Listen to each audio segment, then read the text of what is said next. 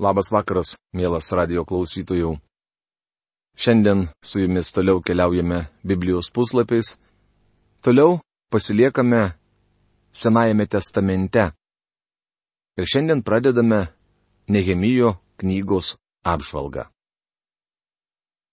Nehemijo knygos pirmos skyriaus pirmoje eilutėje pavartotas pirmojo asmens įvardis leidžia manyti, kad jos autorius Nehemijas. Jei autorius buvo Ezra, tai jis viską nurašė iš Nehemijo dienoraščio. Šioje, kaip ir Ezros knygoje, yra sukaupti laiškų, įsakų, registrų ir kitokių dokumentų nuorašai.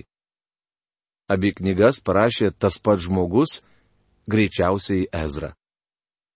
Hebrajų kanone Ezros ir Nehemijo knygos sudaro vieną knygą. Nehemijas buvo paprastas tikintysis. Ezra buvo kunigas. Ezros knygoje svarbiausias dėmesys skiriamas šventyklos atstatymui. Nehemijo knygoje - Jeruzalės sienų atstatymui. Ezros knygoje aprašytas religinis grįžimo aspektas. Nehemijo knygoje - politinis. Ezra atstovauja kunigai rašto žinovą. Nehemijas - kilnų verslo žmogų. Nehemijas užėmė svarbes pareigas galingo Persijos karaliaus Artakserkso dvare, tačiau jo širdis priklausė Dievo tautai. Jis troško, kad Jeruzalėje būtų įvykdytas Dievo sumanimas. Pagrindinis knygos bruožas tai asmeninis dalyvavimas. Aš vėl ir vėl grįžtu prie Nehemijo knygos, būtent dėl šios priežasties. Chronologiškai tai paskutinė istorinė knyga. Laiko atžvilgiu mes priartėjome prie pabaigos. Kalbant apie žydus, Senasis testamentas daugiau nebeaprašo jų istorijos. Ezros knyga pagauna istorijos siūlą, praėjus maždaug 70 metų po metraščių antros knygos. 70 nelaisvės metų baigėsi ir likutis grįžta į Izraelio žemę. Su Ezra žmonės grįžo praėjus maždaug 50 metų po Zerubabelio vadovaujamo sugrįžimo. Nehemijas grįžo maždaug 15 metų vėliau nei Ezra. Šie skaičiai apitikrai ir pateikiu juos tik tam, kad parodyčiau Izraelio istorijos etapus po tremties. Tai leidžia mums pamatyti, kaip Danieliaus 70 savaičių paprastai ir logiškai įsitenka į visą paveikslą. Danieliaus 70 savaičių prasideda nuo Nehemijo, ne Ezros knygos. Nuo to laiko, kai paskelbtas žodis atnaujinti ir atstatyti Jeruzalę, iki pateptojo vado bus septyni septynetai ir šešiasdešimt du septynetai. Nehemijo knygoje aprašomų įvykių fonas. Ji bus atstatyta su aikštėmis ir apsauginiu grioviu ir tai įvyks priespaudos metais, rašoma Danieliaus knygos 9 skyriaus 25 eilutėje. Kosto burbulio vertime skaitome, nuo tada, kai bus duotas įsakymas atstatyti Jeruzalę, iki pateptojo kunigaikščio pasirodymo praeis septynios savaitės ir šešiasdešimt dvi savaitės. Ji bus atstatyta su aikštėmis ir sienomis nors ir sunkiu metu. Žemiau išvardytos datos, kurias pasiūlė seras Robertas Andersonas, regis visai neblogai sprendžia Danieliaus, taip vadinamų 70 savaičių problemą. Kyro įsakas 536 metai iki Kristaus, Ezros knygos pirmos skyriaus pirma ketvirta eilutės. Artakserkso įsakas 440 penktieji metai iki Kristaus, dvidešimtieji jo karaliavimo metai. Nehemijo knygos antros skyriaus pirma, aštunta eilutėmis prasideda 70 savaičių. Pirmųjų septynių savaičių pabaiga - 397 metai iki Kristaus - Malachijas. Jeigu norite smulkesnės informacijos, ją galite persiskaityti sero Roberto Andersono knygoje Ateisintis kunigaikštis. Raktinis žodis. Žodis taigi pavartotas 32 kartus. Tai rodo, jog rašantysis žmogus mažai kalbėjo, bet daug darbavosi. Galite pasižymėti jį savo Biblijoje ir pastebėsite, kaip šis eilinis ir nesvarbus žodis Nehemijo knygoje išriškėja. Raktinės eilutės. Išgirdę šios žodžius, atsisėdau ir verkiau. Keletą dienų raudojau, pasninkaudamas ir melzdamasis dangaus Dievui. Nehemijo knygos pirmos kiriaus ketvirta eilutė. Ir tad nusinčiau pas juos pasintinius pasakyti, esu užsiemęs dideliu darbu ir negaliu atvykti. Kodėl turėtų sustoti darbas, man jį palikus ir vykstant pas jūs? Nehemijo knygos šeštos kiriaus trečia eilutė. Planas. Sienų atstatymas pirmas, septintas skyriai. Nehemijų malda už likutį Jeruzalėje. Pirmas skyrius. Nehemijo prašymas karaliui. Sugryžimas į Jeruzalę. Jeruzalės griuvėsiai. Antras skyrius pirma šešiolikta eilutės.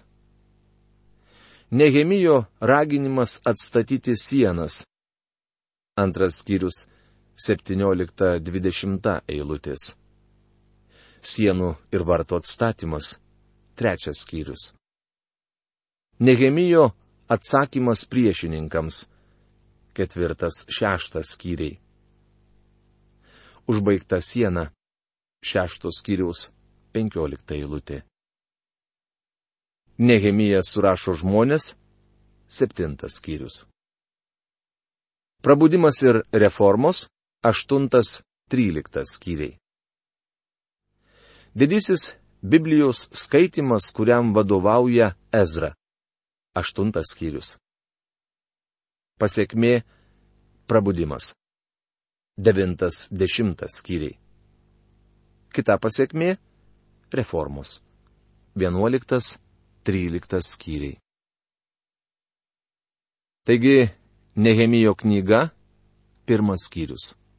Tema - Nehemijo malda už likutį Jeruzalėje. Dievo išrinkti žmonės buvo pašaukti liudyti prieš stabmeldystę, tačiau labai dažnai patys pasiduodavo pagundai ir tapdavo stabmeldžiais. Dievas išsiuntė juos į Babiloną, prie stabmeldystės ištakų, kad ten juos išgydytų. Jie grįžo išsižadėję stabmeldystės, tačiau jų atstatymas nebuvo užbaigtas iki galo. Jie nebuvo laisvi nuo šio laiko iki Romos imperijos. Naujasis testamentas prasideda aprašant žydus Romos valdžioje. Atstatant Jeruzalę svarbu vaidmenį atliko trys žmonės. Tai Zerubabelis, valdovas, kuris atstovavo politinę pusę, taip pat Ezra, kunigas ir galiausiai Nehemijas, valdytojas. Karaliui, kunigui ir pranašui iš ties nepavyko atstatyti Jeruzalės sienų ir išvalyti šventyklą. Todėl Dievas pakėlė Nehemiją, kurį mes vadiname paprastu tikinčiuoju. Atvirai kalbant, šiandien žmonės nevykusiai skirstomi į dvasininkus ir paprastus tikinčiuosius.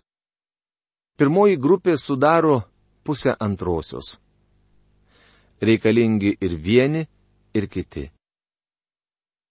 Kai pradėjau tarnauti, dėvėjau princo Alberto stiliaus paltą, karpytą apykaklę ir katiliuką. Vienas draugas man pasakė, kad kai sekmadienio rytą stoviu už sakyklos su savo balta apykakle ir baltais marškiniais, atrodau kaip mulas, žiūrintis iš po išbaltintos tvoros. Ir štai vieną dieną, būdamas dar jaunas pamokslininkas, supratau, kad niekuo nesiskiriu nuo bažnyčios suolose sėdinčių žmonių. Aš nusivilkau visus tuos apdarus ir ėmiau dėvėti tai, ką ir visi. Kartą su draugais žaidžiau golfą. Vienas jų pasikvietė savo draugą, kuris buvo bažnyčios tarnautojas. Tikriausiai jis nežinojo, kad aš taip pat dalyvausiu išvykęs mane jis pasakė, oi, čia juk daktaras Magi, dabar turėsime stebėti, ką kalbame. Norite žinoti, kaip aš pasielgiau? Skubiai jį pasikviečiau ir pasakiau, broli, paklausyk. Aš nieko nuo tavęs nesiskiriu. Jei nori keiktis, tai ir keikis. Tačiau reikia įsisamoninti vieną, nesvarbu, ar aš čia esu ar ne. Dievas girdi tai, ką tu kalbi. Šiandien tikintieji visai nepagrįstai skirstomi į dvasinius ir eilinius narius. Vienodai svarbu, kad ir tie, ir kiti bendrautų su Dievu. Nors kaip tik eilinis tikintysis atstatė Jeruzalės sienas ir išvalė šventyklą. Tikiu, jog netgi šiandien Dievas gali pašaukti eilinį tikintįjį, kuris atliks didelius darbus ir uždės jo darbą ant tvirto pamato. Šiandien reikalingas atstatymas. Jei atvirai, tai aš laukiu, kad Dievas pašauktų jaunuolį, kuris nebus mūsų seminarijų auklėtinis. Neturiu nieko prieš seminarijų absolventus, tačiau kartais Dievas pakelia žmonės, kurie neturi pasiruošimo. Tokius kaip Dvaita Mudi, Billy Sandėjų, Billy Greima. Mums reikia žmonių, panašių į Nehemiją. Nehemijas tikėjo, kad reikia būdėti ir dirbti. Taip pat jis tikėjo, kad reikia dirbti ir melstis. Šį žmogų charakterizuoja tokie žodžiai - būdėti ir melstis arba dirbti ir melstis. Persijoje jis turėjo gerą valdytojo postą, tarnavo karaliaus taurininku. Nehemijas buvo geras, doras ir sažiningas žmogus. Jis galėjo pasilikti Persijoje, tačiau jei būtų tai pasielgęs, Dievo raštuose nebūtų paminėtas mes niekuomet apie jį neišgirstume. Noriu, kad atkreiptumėte dėmesį į keletą dalykų, kurie išskiria šį vyrą, kai mes su juo susipažįstame. Noriu pristatyti jums Nehemiją, ištikimą tikintįjį. Nehemijos susirūpinimas likučiu Jeruzalėje. Pirmuose septyniuose šios knygos skyriuose rašoma apie sienų atstatymą. Likusioje knygos dalyje skaitome apie prabudimą ir reformas. Pirmasis skyrius prasideda Nehemijo malda. Nahalijos sunaus Nehemijo pasakojimas. 20 metų Kislevo mėnesį man esant sostinėje Sūzuose, atvyko Hananis, vienas mano brolių su keletu vyrų iš Judo. Aš teiravausi jų apie žydus, likutį išsigelbėjusi iš nelaisvės ir apie Jeruzalę. Nehemijo knygos pirmos kiriaus pirma, antra eilutės. Kai Nehemijas kalba apie išsigelbėjusius žydus, jis turi galvoje žydus sugrįžusius į savo kraštą. Nehemijas galėjo grįžti kartu su jais, tačiau dėl kažkokios priežasties negryžo. Vietoj to jis pradėjo dirbti. Neketinu jo kritikuoti jau vien dėl to, kad Dievas naudoja tokius žmonės kaip jis. Atkreipkite dėmesį, kad šis žmogus, turėdamas svarbų postą, buvo susirūpinęs dievų darbu. Jam nepaprastai rūpėjo dievo reikalai. Vieną dieną skubėdamas su reikalais jis pamatė brolį, kuris buvo ką tik atvykęs iš Jeruzalės ir greičiausiai į rūmus atnešė žinę. Nehemijas sustabdęs jį paklausė. Kaip klostosi reikalai jūsų krašte? Štai kokį atsakymą jis išgirdo. Jie paaiškino man, išlikusieji pergyvenę nelaisvę tenai judos rytyje yra skurde ir nemalonėje. Jeruzalės sienose pilna spragų, o jos vartai ugnies sunaikinti. Nehemijo knygos pirmos skyriaus trečia eilutė. Paveikslas nekoks. Koks apgailėtinas reginys buvo Dievo reikalai ir jo žmonės. Žydai užsitraukė prastą reputaciją dėl savo nesėkmės ir Dievas negalėjo leisti tam tęstis. Deja, mes šiandien taip pat negalime leisti tam vykti. Nehemijas labai sunerimo išgirdęs tokias žinias, o atsakydamas galėjo pasakyti keletą dalykų. Jis galėjo pasakyti, kaip blogai broliai, apgailestauju, įtrauksiu jūs į savo maldos sąrašą, te laimina jūs Dievas. Jis galėjo pateikti ir kitų pamaldžių banalybių ar nuvalkiotų krikščioniškų frazių, bet turbūt apie jas nebuvo nieko girdėjęs. Svarbu tai, jog Nehemijas buvo susirūpinęs.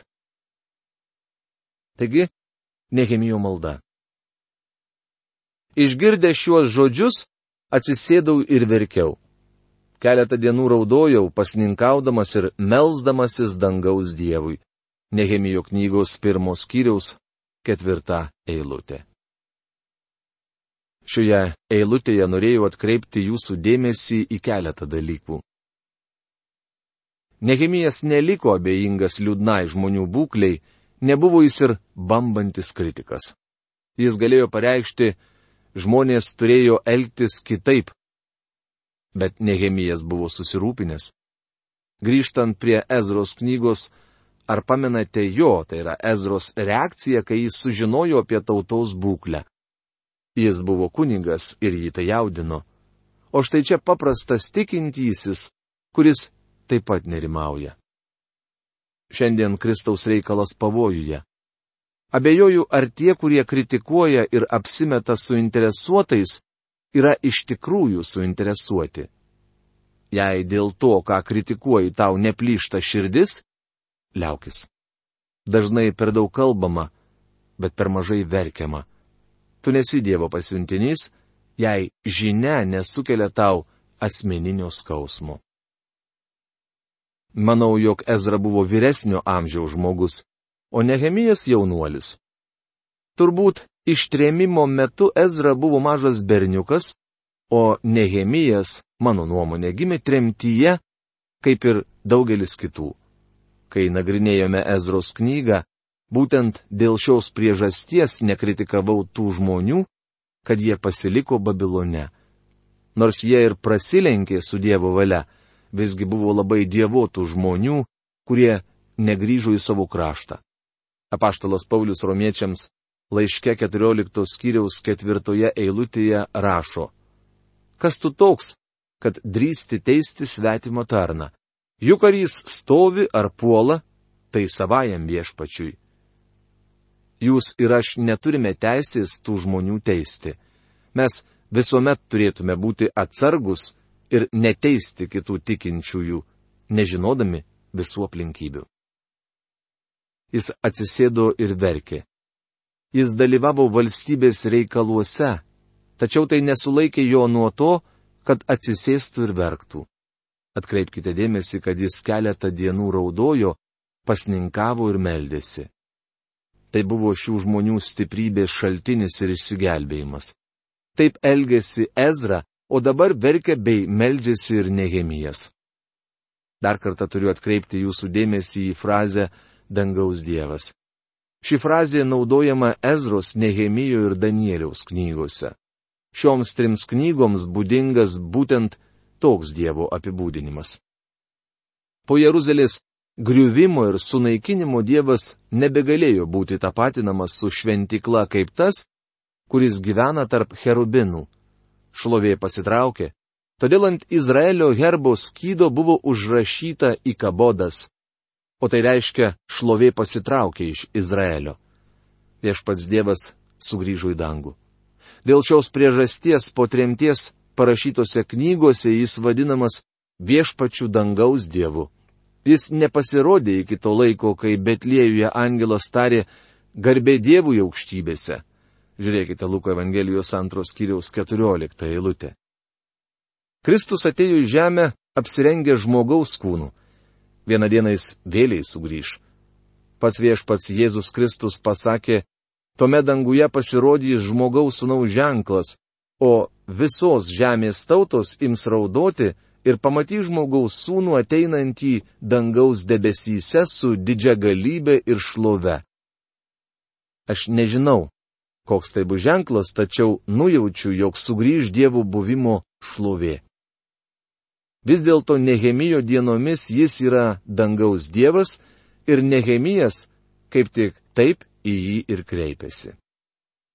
Štai kokia nuostabi malda. O dar vieną puikią maldą perskaitysime devintame skyriuje. Aš meldžiausi, o viešpatė dangaus dievė didingasis ir šiurpa keliantis Dieve, tu laikaisi sandoros ir ištikimos meilės su tais, kurie tave myli ir laikosi tavo įsakymų, Nehemijo knygos pirmos kiriaus penktą eilutę. Sustokime čia minutėlę ir panagrinėkime žodį šiurpa keliantis. Šis žodis buvo labai neteisingai suprantamas ir vartojamas.